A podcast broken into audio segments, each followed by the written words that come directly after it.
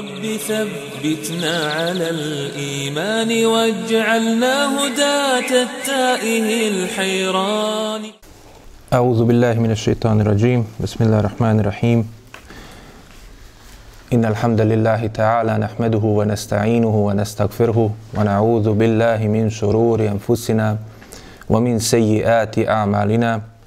من يهده الله فلا مضل له ومن يضلل فلا هادي له.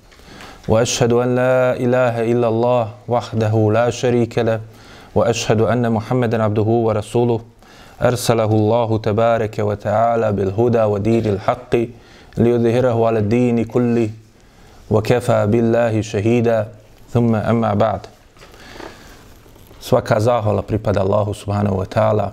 Njega slavimo i njega veličamo, od njega pomoć tražimo, od njega tražimo oprost za naše grijehe, Neka je salavat i salam na njegovog posljednjeg poslanika, njegovog miljenika Muhameda sallallahu alihi wasallam, njegovu časnu porodcu, sve njegove ashabe i one koji hode i kroče i slijede njihov put do sudnjega dana.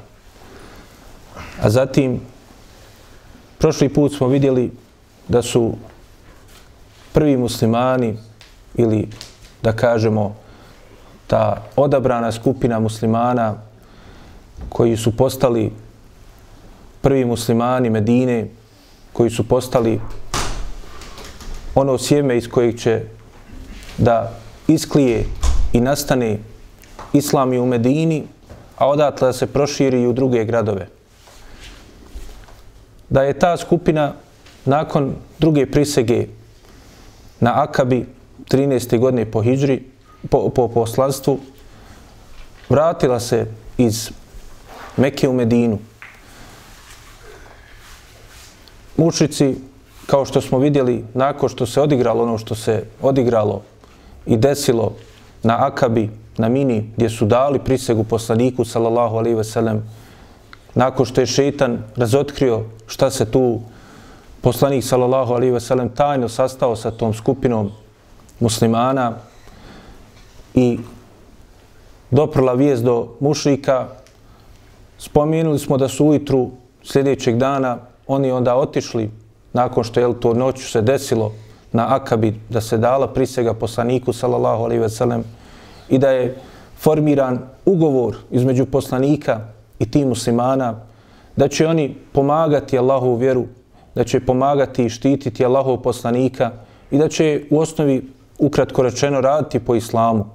Dakle, da je islamu općenito gledajući, kao što smo rekli, jedan ugovor između čovjeka i njegovog gospodara, između Allahovog roba i gospodara svih robova i svih ljudi i svih svjetova, Allaha subhanahu wa ta'ala.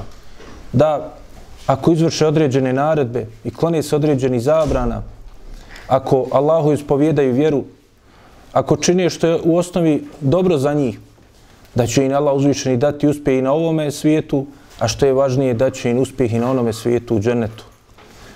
Pa dakle, sljedećeg jutra mušici su došli i pitali ostatak hađija koji su došli iz Medine, dakle, ovih muslimani su samo bili jedan mali dio te skupine. Ostali nisu znali šta se desilo i njihov predvodnik, koji će kasnije biti predvodnik munafika, Abdullah ibn Ubej ibn Salul, je rekao mušicima i uvjerio im da oni nisu ništa imali veze sa Muhammedom sallallahu alaihi ve sellem, da su oni samo obične hađije, da ne znaju ništa o tome o čemu su oni čuli vijesti da se desilo nešto važno i nešto opasno po Kurešije noć prije na mini na Akabi. Nakon toga su se vratili stanovnici Medine u Medinu, koja je još uvijek tada bila poznata po svom starom nazivu, Jesribu. Kada su se vratili, nastavili su muslimani da izvršavaju ono što se i obavezali Allahom poslaniku, sallallahu alaihi ve sellem. A to je dakle da pozivaju ostale stanovnike u islam. Umeđu međuvremenu jel saznalo se šta se desilo? I oni u Medini i oni u Mekki su saznali da je došlo do prisege i da se priprema hijđra preseljenja Allahovog poslanika, sallallahu alaihi ve sellem, napuštanje Mekke i odlazak u Medinu. U Medini islam je počeo da cvate, da se širi, a u Mekki još veći je bio pritisak na poslanika, sallallahu alaihi ve sellem, i one muslimane, ashabe koji su ostali s njim. Dakle, neki su već bili otišli, neki su već, jel, kao što smo vidjeli, učinili hijđru prije toga u Abesiniju. Neki su, jel, se krili, tako da je situacija bila im vrlo teška. Za razliku u Medini gdje je već, jel, Islam se počeo jako da širi. Samo jedan od primjera koji nam može dočarati kakav je bio Islam u tom periodu u Medini, jeste slučaj jednog od velikana i uglednika u Medini, a to je Amr ibn Džamuh. Amr ibn Džamuh, njegov sin Muaz, je bio jedan od tih koji su bili na prisezi na Akabi, na drugoj prisegi Allahom poslaniku, sallallahu alaihi wasallam. Pa kada se vratio kući sa još jednim svojim prijateljem, još jednim mladićem koji će posle postati velikan i uglednik ne samo ovoga umeta, nego čovečanstva općenito, zato što su ashabi nakon vjerovjesnika i poslanika ne samo najbolji ljudi ovoga umeta, nego najbolji ljudi od Adema pa do sudnjega dana. Samo vjerovjesnici i prije njih poslanici su bolji od njih. Kao što kažu učenjaci, kod onih koji, kod kojih Lukman, koji je spominut u Kur'anu, nije poslanik i vjerovjesnik, kažu da su od njih, od njega, jel, najodabranije sahabi bolji, poput Ebu Bekra, Omera, Osmana i Alije. Također, i kod onih koji kažu da Zul Karnein, onaj poznati vladar, oko kojeg također ima razilaženje da li je bio vjerovjesnik, kod onih koji je bio samo vladara, ne vjerovjesnik, kažu da je Ebu Bekr, Omer, Osman, Alija i najodabranija sahabi da su vredniji od njega. Također i kod onih koji kažu da Hidr iz poznatog kazivanja Hidra sa Musaom alaih salam, da nije bio vjerovjesnik, kažu da je, su također ovi ashabi vredniji od njega. Dakle, najodabraniji Allahovi robovi.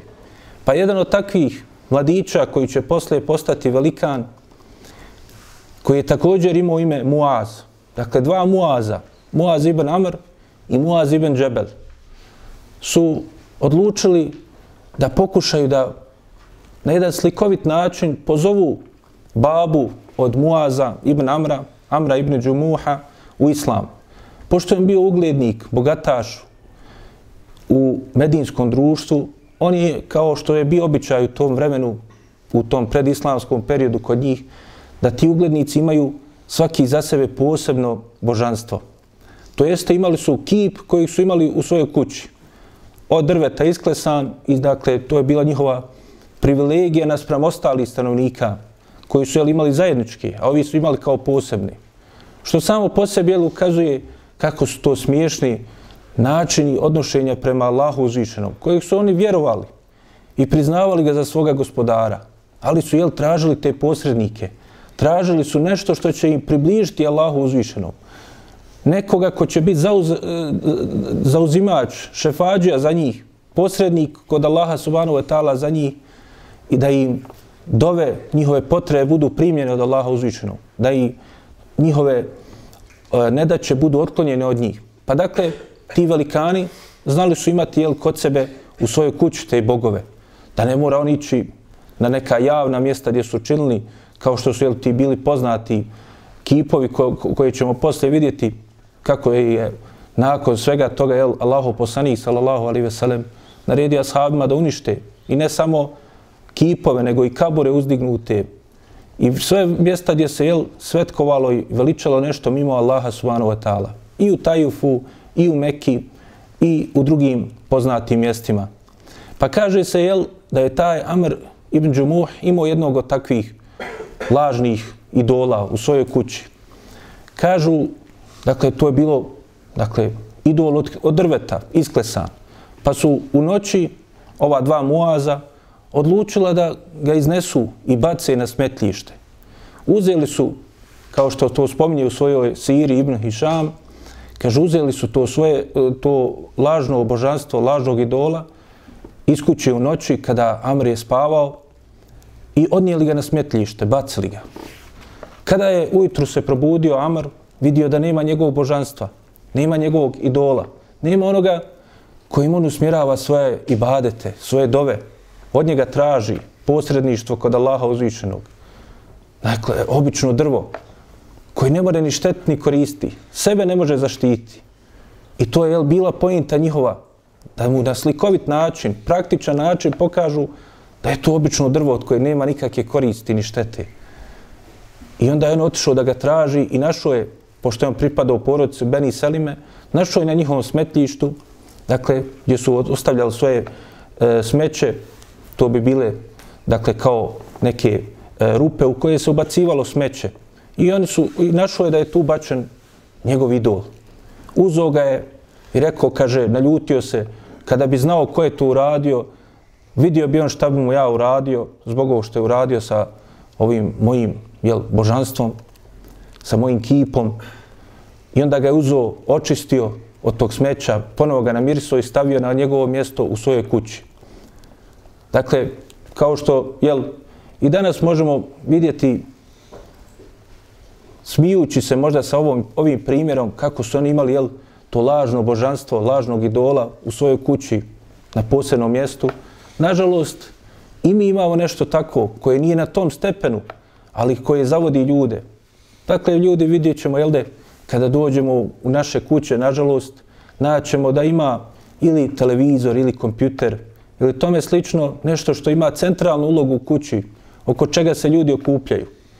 A pojenta toga, na, nažalost, većinom, osim oni kojima se Allah smilo, pa to koriste u dobro, jeste da to se koristi u zavođenju i skretanju ljudi sa puta istine, puta zadovoljstva Allahovog subhanahu wa ta'ala. I metode i, me, i načine na koji šeitan Allah ga prokleo ljude zavodi i odvraća od istine. Pa dakle, on je vratio to central, na to njegovo centralno mjesto u kući tog svoga kipa. Sljedeću noć ova dvojica mladića, dvojica Moaza su opet isto uradili. Pa je sljedeći dan on na istom mjestu otišao da ga potraži i opet ga našao. I opet ga očistio, namirisao i vratio na njegovo mjesto. Treću noć ovi mladići koji su jel, imali i mudrosti i inteligencije, odlučili su da to malo na drugačiji način uradi. Ne bi li jel, kod njega probudili da malo razmisli, da uključi svoj razum na ispravan način, da promisli malo o tome šta radi i šta čini i šta mu se dešava i njegovom kipu i njegovom idolu. Pa su uzeli, kaže, ta isti idol i kip, uzeli i bacili ga sada na skroz drugo mjesto, gdje se je skupljalo još veća prljaština. Dakle, još prljavije mjesto. Ali nisu samo na tome zastali. Spominje se da su onda svezali mrtvog psa za to kipa.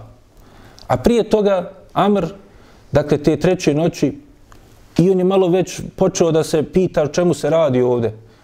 Počelo je malo jel, da se javlja kod njega taj zdravi razum koji nije uprljan više i sa koji se sklanja mrena i koprena zabluda, pa je rekao, obraćajući se svome tom idolu, evo daću ti sablju, pa se brani više od toga što te je zatrefilo. Pa je dakle on s jedne strane stavio sablju i okačio o to drvo, taj ki podrveni. A ovi su, da bi mu odgovorili, stavili ga još na gore mjesto, jel, i još svezali za njega mrtva psa. Nešto, jel, najogavnije, najružnije što može. Da, da, što su mogli da nađu, da bi, jel, pokazali da taj kip ne može sebi ni koristiti ni štet. A kako će njemu ili nekome drugome? I sljedeće jutro, dakle treće jutro, kada je Amr otišao da ga potraži, na onom istom mjestu gdje je prethodne dvije, dva jutra ga našao, nije ga našao, pa je otišao na to sljedeće mjesto tražeći za njim, našao ga je jel, da, na tom mjestu koje je bilo još gore mjesto od prethodnog. I onda je još našao da je uz njega svezan pas mrtav. Kada je to ugledao Amr, onda je sa njegovog srca skinuta koprena. Allah je dao da u njegovo srce uđu zrake imana, zraci istine. I rekao je, čak je to opjevo u stihu, što je teško prenijeti na našem jeziku, ali dakle opjevo u stihu kako je, jel, taj kip nije mogao koristiti ni sebi.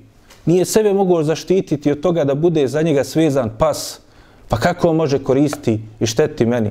Kako ja mogu od njega nešto tražiti? Kako njemu mogu usmiravati i vadete?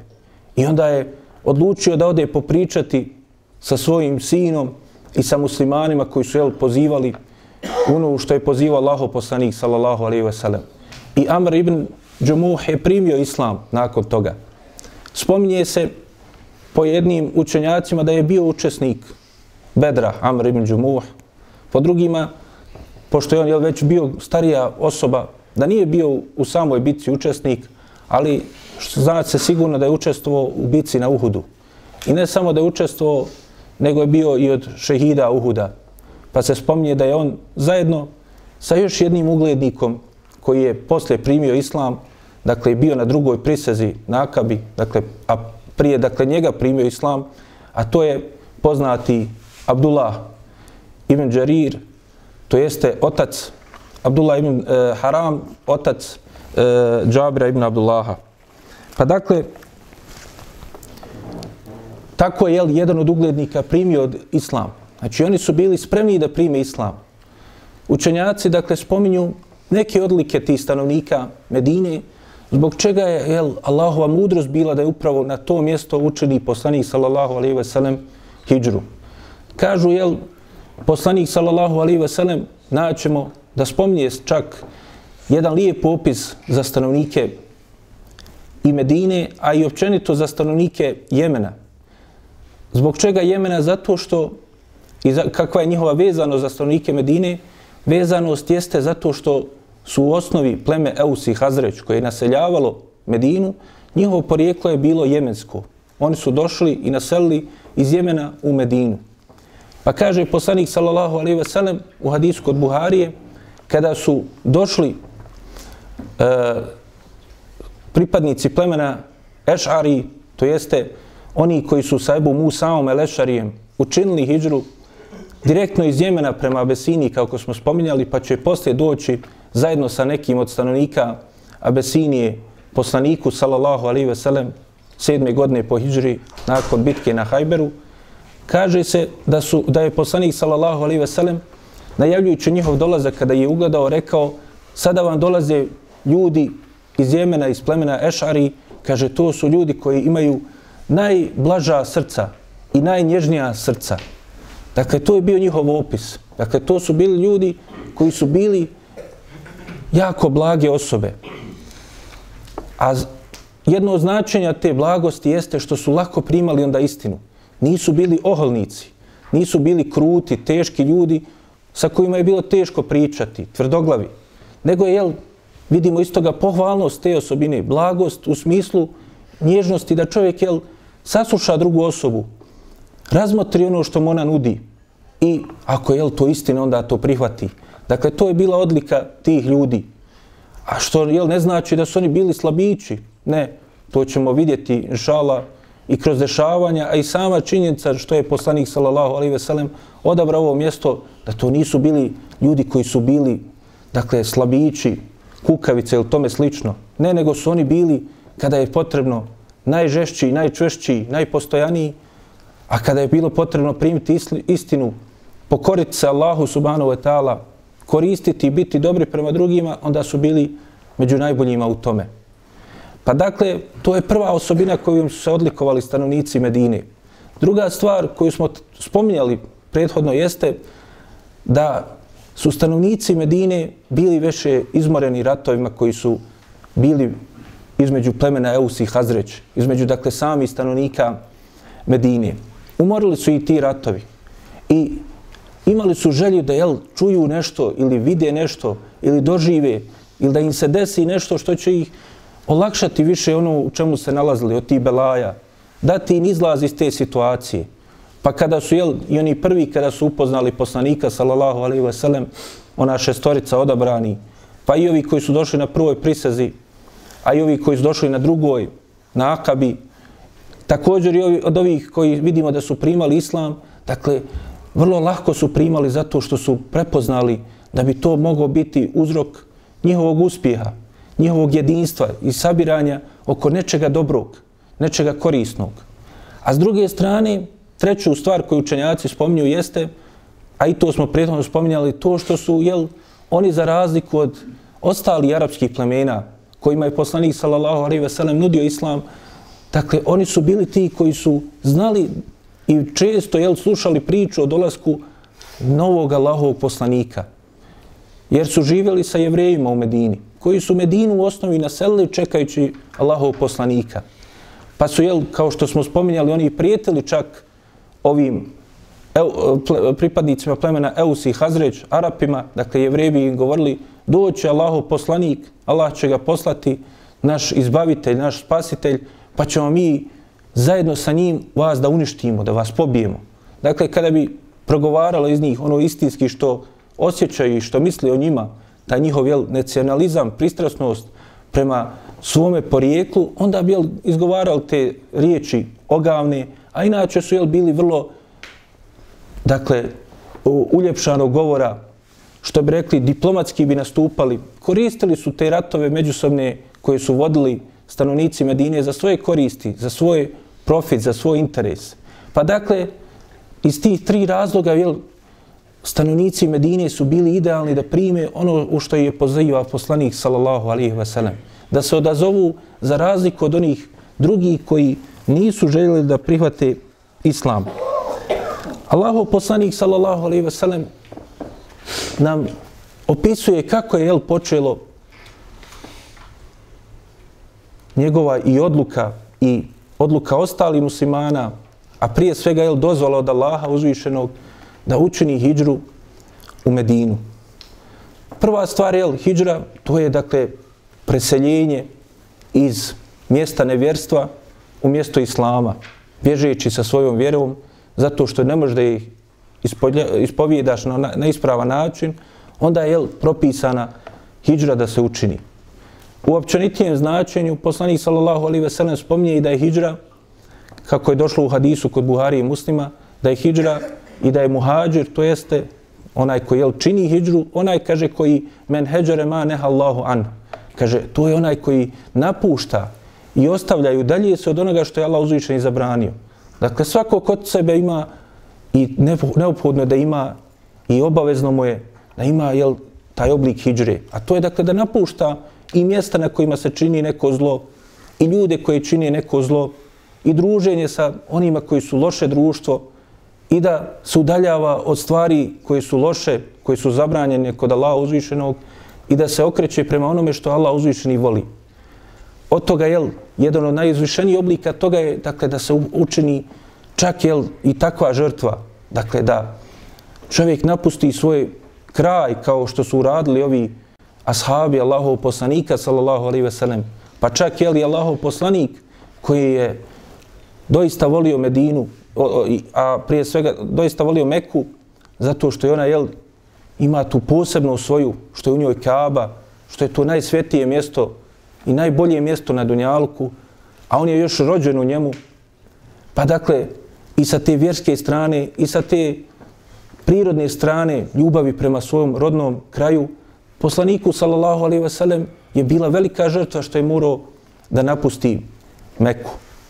Ali kaže Allahov poslanik, sallallahu alejhi ve sellem, opisujući nam kako je to počelo i za njega i za sve ostale muslimane, kako je krenula dozvola Kaže imam Buharija, a i ima muslim u svojim sahihima, da je poslanik sallallahu alejhi ve sellem, kako je došlo u nekoliko hadisa, rekao, kaže, doista vidio sam usnu da ću otići u grad koji u jednom od tih hadisa došlo ima palminjake, u drugom hadisu je došlo u gradu Datula u kojem jel, ima mnošto palmi i palminjaka, pa ima jel, mnošto plodova tih palmija, to su datule, koji se nalazi između dva kamenjara.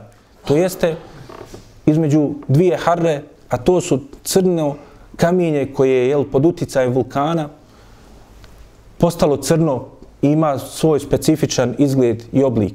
Dakle, stjenovito, stjenoviti E, e, dakle, grad sa, sa strana ima svoje stjenovite e, crne kamenjare, a unutar njega se nalaze lijepi palminjaci. Ispominjali smo zbog tog opisa da su jevreji naselili i Medinu, a naselili su također i Hajber i Vadil Kura.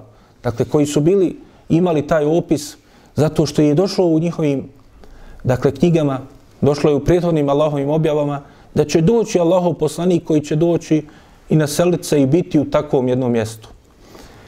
Pa dakle, vidimo jednu lijepu stvar u ovome svemu, A to je, spominjali smo da kada se desilo Israju mi je rađa Allahov poslanika sallallahu alaihi ve sellem, da u tom periodu poslaniku sallallahu alaihi ve sellem objavljena je sura Jusuf. Kako počinje kazivanje o Jusufu alaihi salam, Allahovom poslaniku, koji je poslan upravo iz, također tim istim jevrejima i koji, čiji babo je u stvari Israil, Jakub, kojim ime bilo Israil, to jest u prevodu sa hebrejskog Abdullah, dakle koji je praotac ti isti jevreja, kazivanje njemu počinje upravo sa snom. Kako je Jusuf a.s.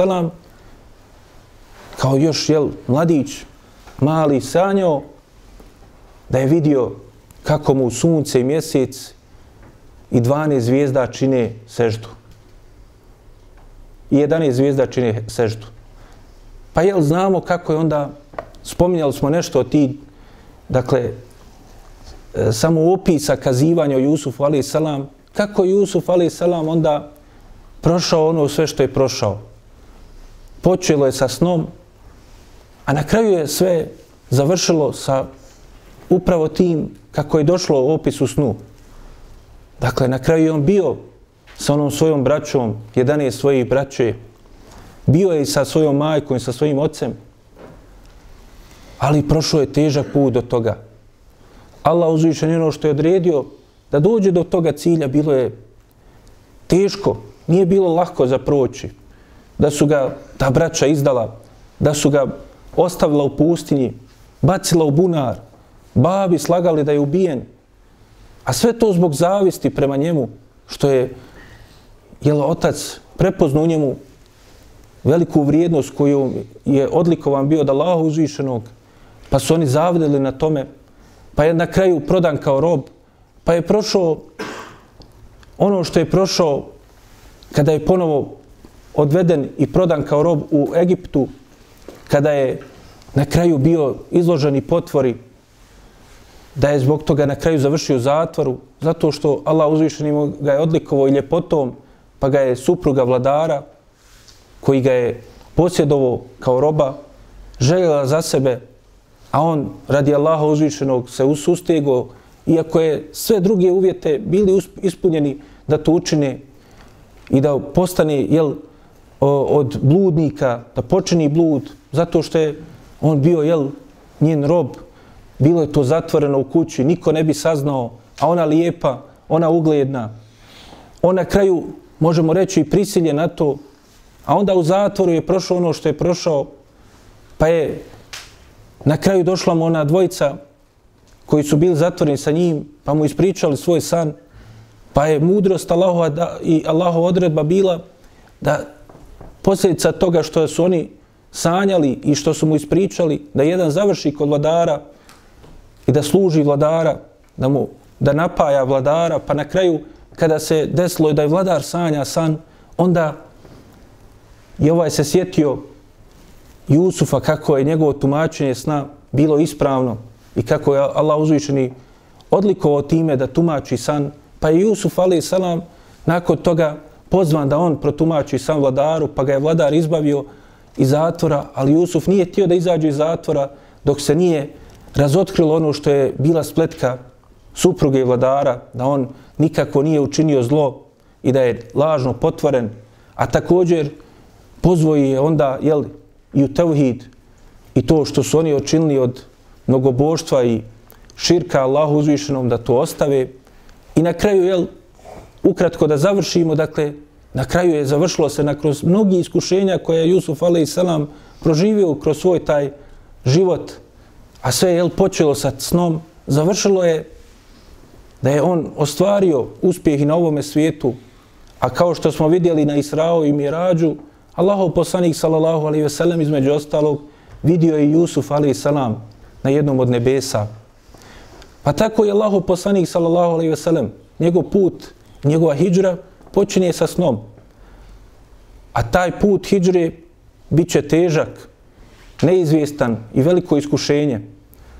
Ali uspjeće Allahov poslanik sallallahu alaihi ve sellem i u svojoj hijđri, a uspjeće i u svojoj misiji na Allahovom putu. Pa kaže poslanik sallallahu alaihi ve sellem također govoreći, kaže, o tome kako je usnio, kaže, usnio sam u jednom od tih verzija tog sna kako je prepričavao Allahov poslanik sallallahu alaihi ve sellem ashabima, došlo je jedno od tih verzija, kaže, pomislio sam da je taj grad po tom opisu da je to ili je mama ili grad Hedžer koji je bio u Jemenu. Je mama, to je poznati grad u centralnom dijelu arapskog polotoka. Kod njega ili pored tog samog grada ili možemo reći da taj grad sada obuhvata sadašnji grad Rijad u današnjoj Saudijskoj Arabiji.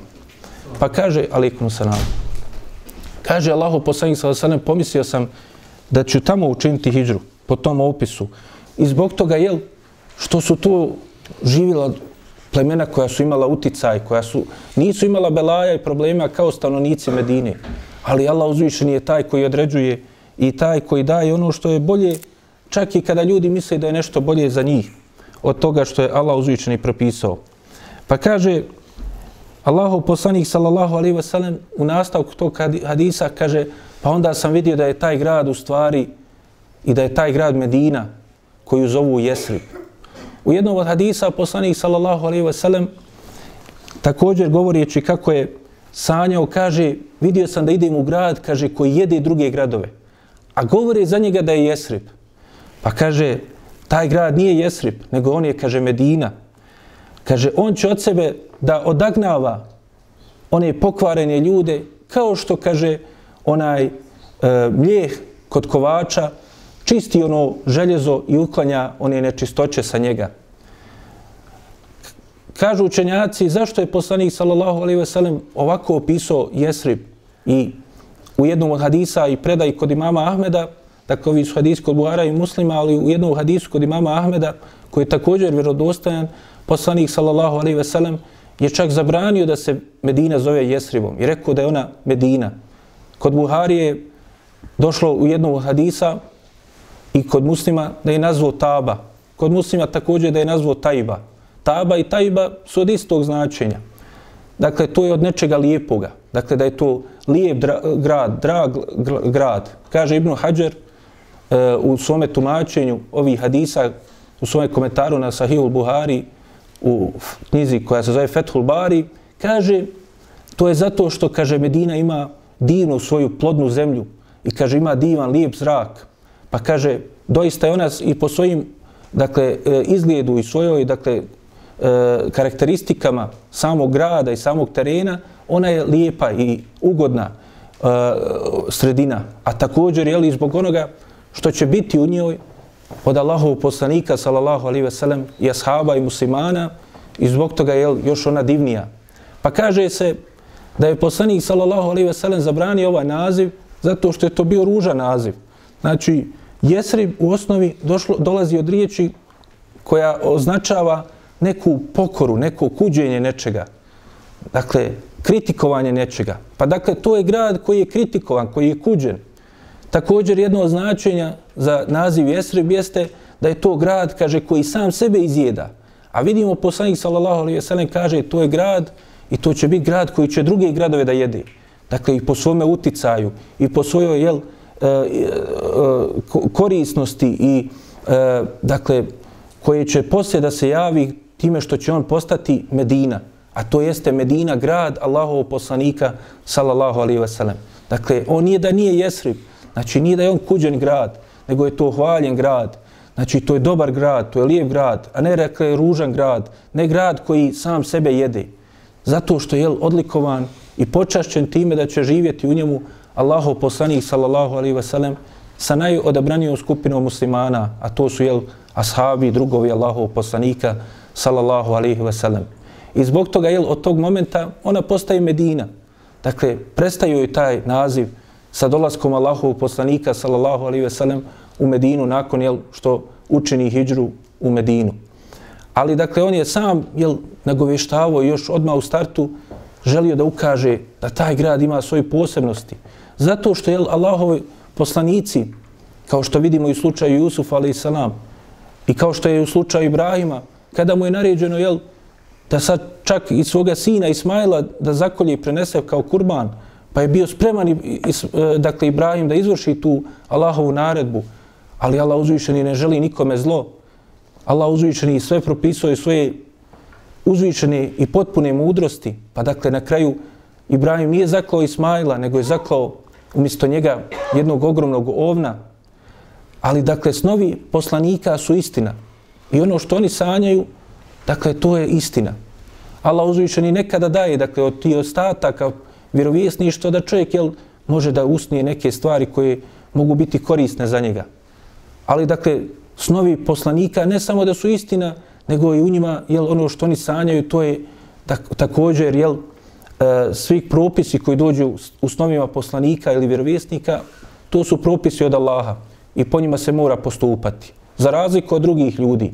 I to je sta, e, pitanje propisivanje propisa sa snovima dokinuto je sa smrću Allahovog poslanika Muhameda sallallahu alaihi wasallam. Pa dakle, njemu je dozvoljeno da učini hijđru i njegovim ashabima sa snom. Također u trećoj verziji ovog hadisa u kojoj poslanik sallallahu alaihi ve sellem kako je također došlo kod Buhari i muslima, nagovještava jel, da mu je naređeno da učini hijđru u Medinu, spominje, kaže, nakon što je rekao da je usnio da će učiniti hijđru u mjesto u kojem ima puno palminjaka, koji se nalazi među dva kamenjara, kaže, onda sam vidio kako sam zamahnuo sa sabljom, pa se, kaže, ona slomila. Pa kaže, protumačio sam to s onim što se desilo, kao što ćemo išala vidjeti u bici na Uhudu, od onih jel, djelimičnog poraza koji su doživjeli muslimani.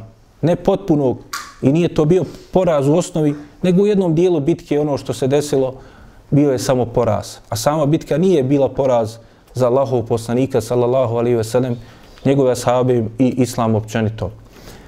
Kaže, nakon toga sam vidio da sam zamahnuo sabljom ponovo, pa sam vidio kako je ona lijepa, divna, kako je ona bila, jel, lijepog oblika. Pa sam to protumačio da će Meka biti vraćena pod okrilje Islama. Nakon toga što će, jel, biti iseljen, napustit, da će se vratiti u nju. Allahov poslanik, sallallahu alaihi ve sellem, ponizan pred Allahom subhanahu wa ta'ala, ne oholeći se pred stanovnicima Mekke zbog svoga uspjeha, nego zahvalan Allahu subhanahu wa ta'ala na toj blagodati. Nakon toga, kaže, vidio sam i kaže mnoštvo krava koje su zaklane u tom snu. Pa kaže, to sam protumačio sa mnoštvom ovih šehida koji su preselili u bici na Uhudu, kao što ćemo također, jel, inšala, to da vidimo. Ali kaže, ono što Allah uzvišeni kaže na kraju poslanih sallallahu alaihi ve sellem, odredi, to je, u tome je dobro. I zato smo jel, videli veliko dobro, kaže poslanik sallallahu alaihi ve sellem, od onoga što se desilo u bici na Bedru. Dakle, Allahom poslaniku, sallallahu alaihi ve sellem, nagoviješteno je, dakle, da put neće biti lahak, ali onaj koji se oslani na Allaha, pouzda u njega, Allah uzvišeni će mu pomoći i sačuvat će ga. Onaj koji je pokoran Allahu subhanahu wa ta'ala, ustrajava na njegovom putu, on će ostvariti uspjeh, kao što je Allahu poslanik, sallallahu alaihi ve sellem, i njegovi ashabi. I da zna da ono što Allah uzvišeni odredio, iako mu se čini da to nije dobro, da je to istinski dobro. Jer pogledajmo, poslanik sallallahu alaihi ve sellem mora napust Meku. Tio je u Taif. Pozivo je najuglednija i najjača plemena tog vremena, ali Allah uzvišeni ga je usmjerio prema mjestu koje su nazivali Jesrib, dakle mjesto koje je kuđeno, mjesto koje samo sebe jede i, uništava u besmislenim ratovima koji su ih trošili i umarali godinama i godinama. I također, jel, usmjerava i ljudima koji su tako postupali, koji su, jel, u osnovi se činili kao slabi, ali su oni istinski bili najodabraniji Allahovi subhanahu wa ta'ala robovi. Tu treba spomenuti, jel, videli smo odlike, dakle, zašto je hijđra bila u među stanovnicima Medine i zašto je poslanik sa poslan i usmjeren da ide ka Medini, da živi sa ljudima koji su jel, iz ovih plemena, plemena Eus i Hazreć, da oni budu u njegove ensarije. Ali pitanje je zašto onda Medina? Koje su to odlike koje se jel, i ovako opipljivo mogu e, dakle, e, e, poredati i spomenuti po pitanju samog grada Medine? U vanštini se ono jel, možda čini da nema neke koristi, da je to šteta, jer valja sad trpeti sve što su pripremili stanovnici Mekke, a i njihovi saveznici, a još tu se nalaze jeli jevreji koji će kao što ćemo vidjeti, postati još žešći, još gori možda neprijatelji, čak i od samih Kurejšija koji su jel, bili na širku, koji nisu prihvatili put Allahovog poslanika, sallallahu alaihi ve sellem. Spominje se, jel, Sam i ovaj opis koji je poslanik, sallallahu alaihi ve sellem, spomenuo i hadisima, ukazuje na jednu veliku važnost tog mjesta, veliku njegovu karakteristiku, odliku. A to je što, dakle, Meka, e, e, Medina se nalazi, dakle, između dva kamenjara, sa dvije strane, dakle, okružuje ih kamenjar.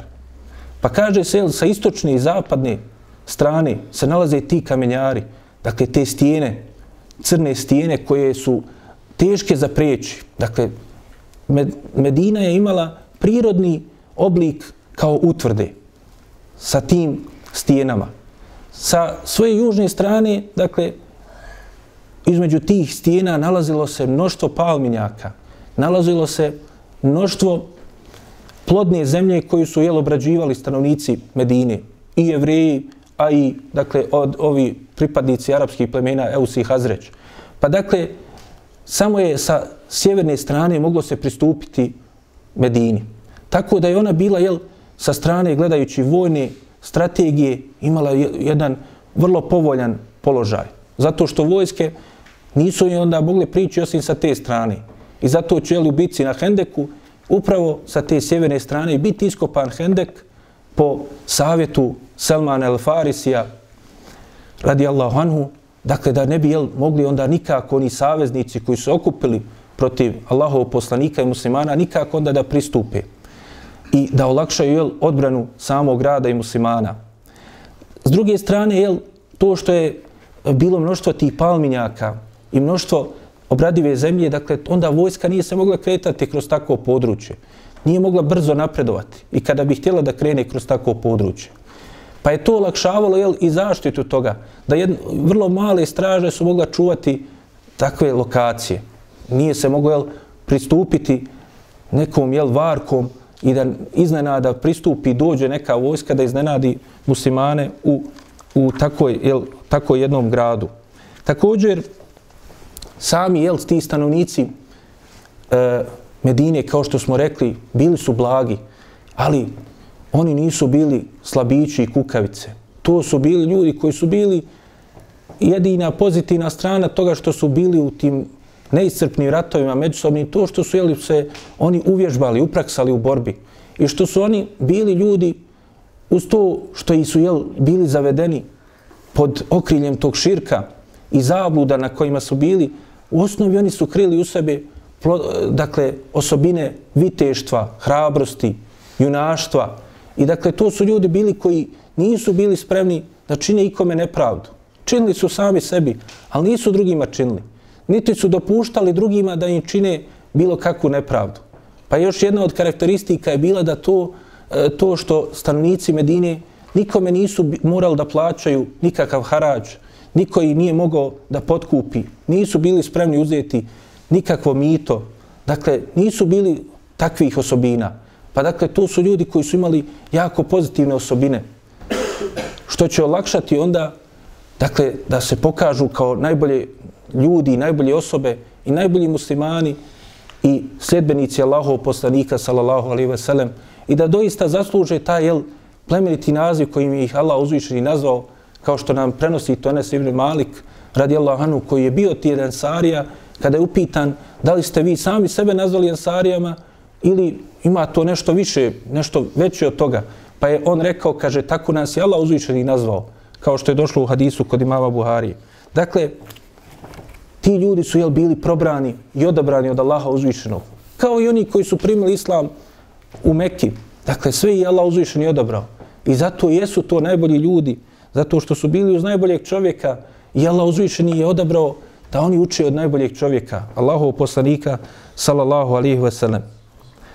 Nakon toga, dakle, počeli su muslimani da čine hijđru iz Mekke u Medinu. Spominje se da su ovi iz Abesinije koji su već bili učinili hijđru, da su neki od njih, kada su čuli tu vijest o prisegi na Akabi i to da se jel, pripremaju muslimani iz Mekke u Medinu da krenu, da su onda oni požurili da se vrate. Poželili su Allahov poslanika, sallallahu alaihi wa sallam. Pa su požurili da se vrate prije svega u Meku. Pa se spominje da je 33 muškarca i osam žena vratilo se u Meku i onda su neki od njih bili spriječeni, dvojica su preselila u Meki, a ostali su, jel, onda posle učinili sa poslanikom, sallallahu alaihi ve sellem, hijđru. Ko je bio prvi koji učinio hijđru od tih, dakle, svih stanovnika Mekke? Poslaniku, sallallahu alaihi ve sellem, je naređena hijđra, ali još mu nije bilo dozvoljeno da on lično učini hijđru. Dozvoljeno da muslimani učini. Pa kaže se u hadisu kojeg nam također bilježi imam Buharija, ima muslim u svojih sahihima, da su prvi koji su učinili hijđru bili Musa ibn Umeir i Abdullah ibn e, Umi Mektum. Dakle, onaj koji će poslije biti mujezin, jedan od mujezina Allahov poslanika, sallallahu alaihi ve sellem. Poznat, jel, po kazivanju, kao što smo spominjali, ili onom dijelu vjerodostojnom koje se spominje iz sure Abese o slijepom čovjeku koji je, dakle, e, od kojih se Allahu poslanik sallallahu alejhi ve sellem okrenuo i pa je bio to povod objave ajeta i sure Abese. Dakle, spominje se da su oni bili prvi koji su učinili hijđru. Prošli put smo govorili da Musa ibn Umer postoje na, na, naznake da je on još nakon prisege na Akabi prvi da je učinio hijđru. To jest da je on otišao da poziva ljude u Medini u Islam. Neki kažu da je to bilo tek nakon ove druge prisege na Akabi i to je ovo, e, dakle, na, na što ukazuje i ovaj hadis. Allah najbolje zna, jel? Ali, dakle, kao što smo rekli, sigurno je da je Musa ibn Umer bio taj prvi koji je od, od Allahov poslanika, sallallahu alaihi ve sellem, od muhađira poslan da podučava stanovnike Medine. Pa, dakle, samo je pitanje kada je u, i u kojem periodu je to počeo da radi. Nakon njega su hijđru učinili e, također Amar ibn Jasir, Bilal i e, Saad ibn Abi Waqas. Da bi nakon toga, kako je došlo u hadisu, u jednoj velikoj grupi od 20 kashaba, Omer radijallahu anhu učinio hijđru. Istoričari i hroničari života Allahov poslanika, sallallahu alaihi ve sellem, poput Musa ibn Ukbe i drugi poznati istoričara, spominju da je prvi hijđru učinio Ebu Seleme. To je onaj što smo ga spominjali još na početku, još iz djetinstva Allahov poslanika, sallallahu alaihi ve sellem, onaj koji je zajedno sa poslanikom, sallallahu alaihi ve sellem, bio kod iste dojilje i bio njegov brat po mlijeku, kojem ime u osnovi Abdullah, on je bio učinio hijđru i bio je, dakle, prije svega među prvim muslimanima, kako smo spomenuli, i učinio hijđru i u Abesiniju, pa se spominje da je on se vratio još prije nego što je ova velika grupa iz Abesinije vratila, on se vratio u Meku i da je još prije druge prisege na Akabi, da je on otišao i pobjegao da bi sačuvao svoj život, dakle ne čineći hijđru, nego da je pobjegao dakle, u Medinu, pa da je došao tamo, dakle, u osnovi, dakle, nije učinio hijđru, dakle, još hijđra nije bila naređena, ali u osnovi, dakle, njegov postupak je oblik hijđre, dakle, pobjegao je sa svojom vjerom u Medinu. I, dakle, on je došao još tamo, još prije nego što je došao Musa ibn Umir. Pa, dakle, Musa je prvi koji nakon što je, kažu učenjaci, da bi pomirili između ova dva stava, poput Hafiza ibn Hadžara, e, kada je e, tumačio ovaj hadis iz Buharije, kaže, dakle, Musa ibn Umeir je prvi koji učinio hijđru nakon što je ona naređena. A Ebu Selem je faktički jel, svojim postupkom bio taj koji je prvi učinio hijđru. I to je dakle, razlog zašto su spominjano dakle, kod jednih da je, kao što vidimo kod Buhari u vjerodostojnom hadisu, da, je, da su ashabi govorili da je to Musa ibn Umeir prvi, a drugi su govorili da je to Ebu Seleme. Što se tiče Musa ibn Umera, Allahov poslanik, sallallahu alaihi ve sellem, ovog časnog ashaba, koji je zadužio da podučava i Kur'anu stanovnike Medine, posjeće nakon što on preseli, nakon što prođu godine i godine, također jedan od onih ashaba koji smo spominjali, koji je teško muki bio u Mekki, a to je Habab ibn al-Arat, pričat će o događajima hijđre, i spominjati kako su oni učinili hijđru. Pa reče, tako nam Allaha nismo učinili hijđru osim radi Allaha uzvišenog, radi njegovog lica. Pa kaže, neki od nas su to učinili, a da nisu dobili ništa, nikakve nadoknade. Kaže, jedan od njih je, kaže, Musa ibn Umeir, radi Allahu anhu. Musa ibn Umeir, kaže, on je učinio hijđru i bio je na velikim mukama i u svome životu u Mekki, A onda je, kaže, u bici na Uhudu preselio Pa kaže, nismo imali čime da ga pokrijemo. Nismo imali za njegove kefine. Pa kaže, kada bi navukli na njegovu glavu, njegove bi noge virle. A kada bi navukli na njegove noge, njegove bi, njegova bi glava virla.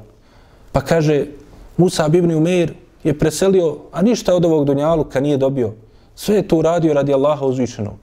Zato što hijđra je pravi bio ispit iskrenosti i pokornosti i ispravnosti na pravom putu. Zato što čovjek koji je iskren, onda to mora pokazati na svojim dijelima. A hijđra je bila taj pokazatelj. Zato i poslanik sallallahu alaihi ve sellem kada nam govori o nijetu, upravo spominje hijđru. Da se cijel, dijela cijene prema namjerama, pa onda kaže, a onaj kome čija hijra bude radi Allaha i njegovog poslanika, onda je njegova hijra radi Allaha i njegovog poslanika. A onaj čija hijra bude radi Dunjaluka ili žene da je oženi, onda će biti njegova hijra radi toga. Abdullah ibn Mas'ud, kako je došlo u nekim predajama, spominje dakle, da se upravo desio takav jedan slučaj. Da je jedan od ljudi učinio hijđru samo da bi oženio jednu ženu koju je zvala se, koje je bilo ime Umul Kajs. Pa su njega nazivali, kaže Muhađir Umul Kajs. Znači njegova hijra je bila radi Dunjaluka, radi ženitbe, ne radi Allaha uzvišenog. A dakle, taj iskrenost koji je pokazao i Musa ibn Umeir i ovi ashabi, zašto je to Habab ispominjao? Kaže nam na kraju tog hadisa, pa kaže, a kaže, mi smo doživjeli vrijeme kada ubiremo plodove našeg grada. Bojao se Habab ibn Erat da ono dunjaluka malo što su uživali u njemu, neki od njih, da je to im već nagrada za ono što su radili rad, prije toga na Allahovom putu. Da im možda, jel, to nagovešta njihove propasti. Pa se bojao Habab ibn Eret, koji je proživio ono što smo jel, spominjali da je proživio.